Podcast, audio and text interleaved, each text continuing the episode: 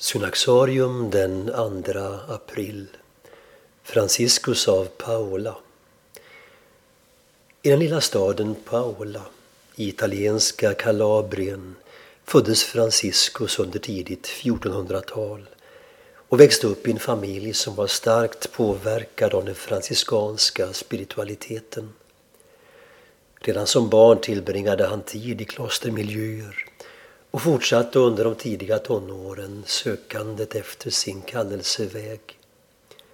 Han besökte Assisi, Monte Cassino och Rom.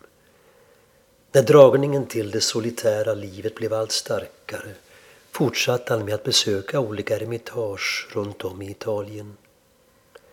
Franciscus av Paola greps djupt av den enkla evangeliska livsstil han mötte hos eremiterna.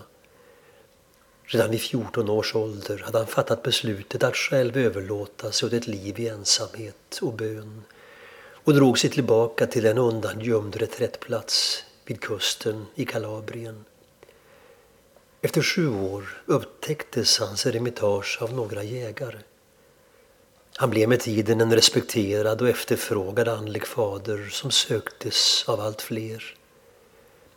Franciscus kände att han ville ta ansvar för de som önskade dela hans livsform och grundade en kommunitet för eremiter som han kallade minimi, de minsta. Han bistod sina lärjungar med att bygga upp eremitage och författade flera regler för hur deras liv skulle utformas. Innan sin död fick han kyrkans godkännande av sina monastiska regler och sin orden. Franciscus förblev trogen sin eremitkallelse samtidigt som han var övertygad om att det inte finns någon högre kristen kallelse än kärleken till nästan. Hela hans liv var en brottning med att förena längtan efter den absoluta ensamheten inför Gud med budet att älska bröderna och systrarna som aldrig upphörde att söka sig till honom.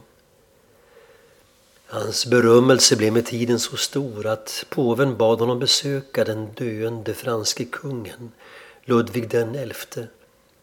Franciscus tillbringade sina sista år vid det franska hovet som rådgivare i andliga frågor.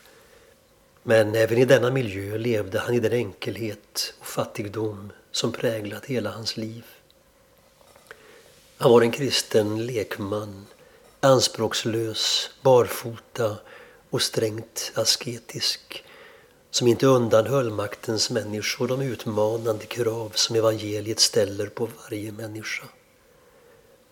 Konsekvent försvarade han de fattiga och de som förföljdes för rättfärdighetens skull. Omgiven av sina ordensbröder dog Franciscus av Paola i Tor den 2 april 1507 i en ålder av 91 år.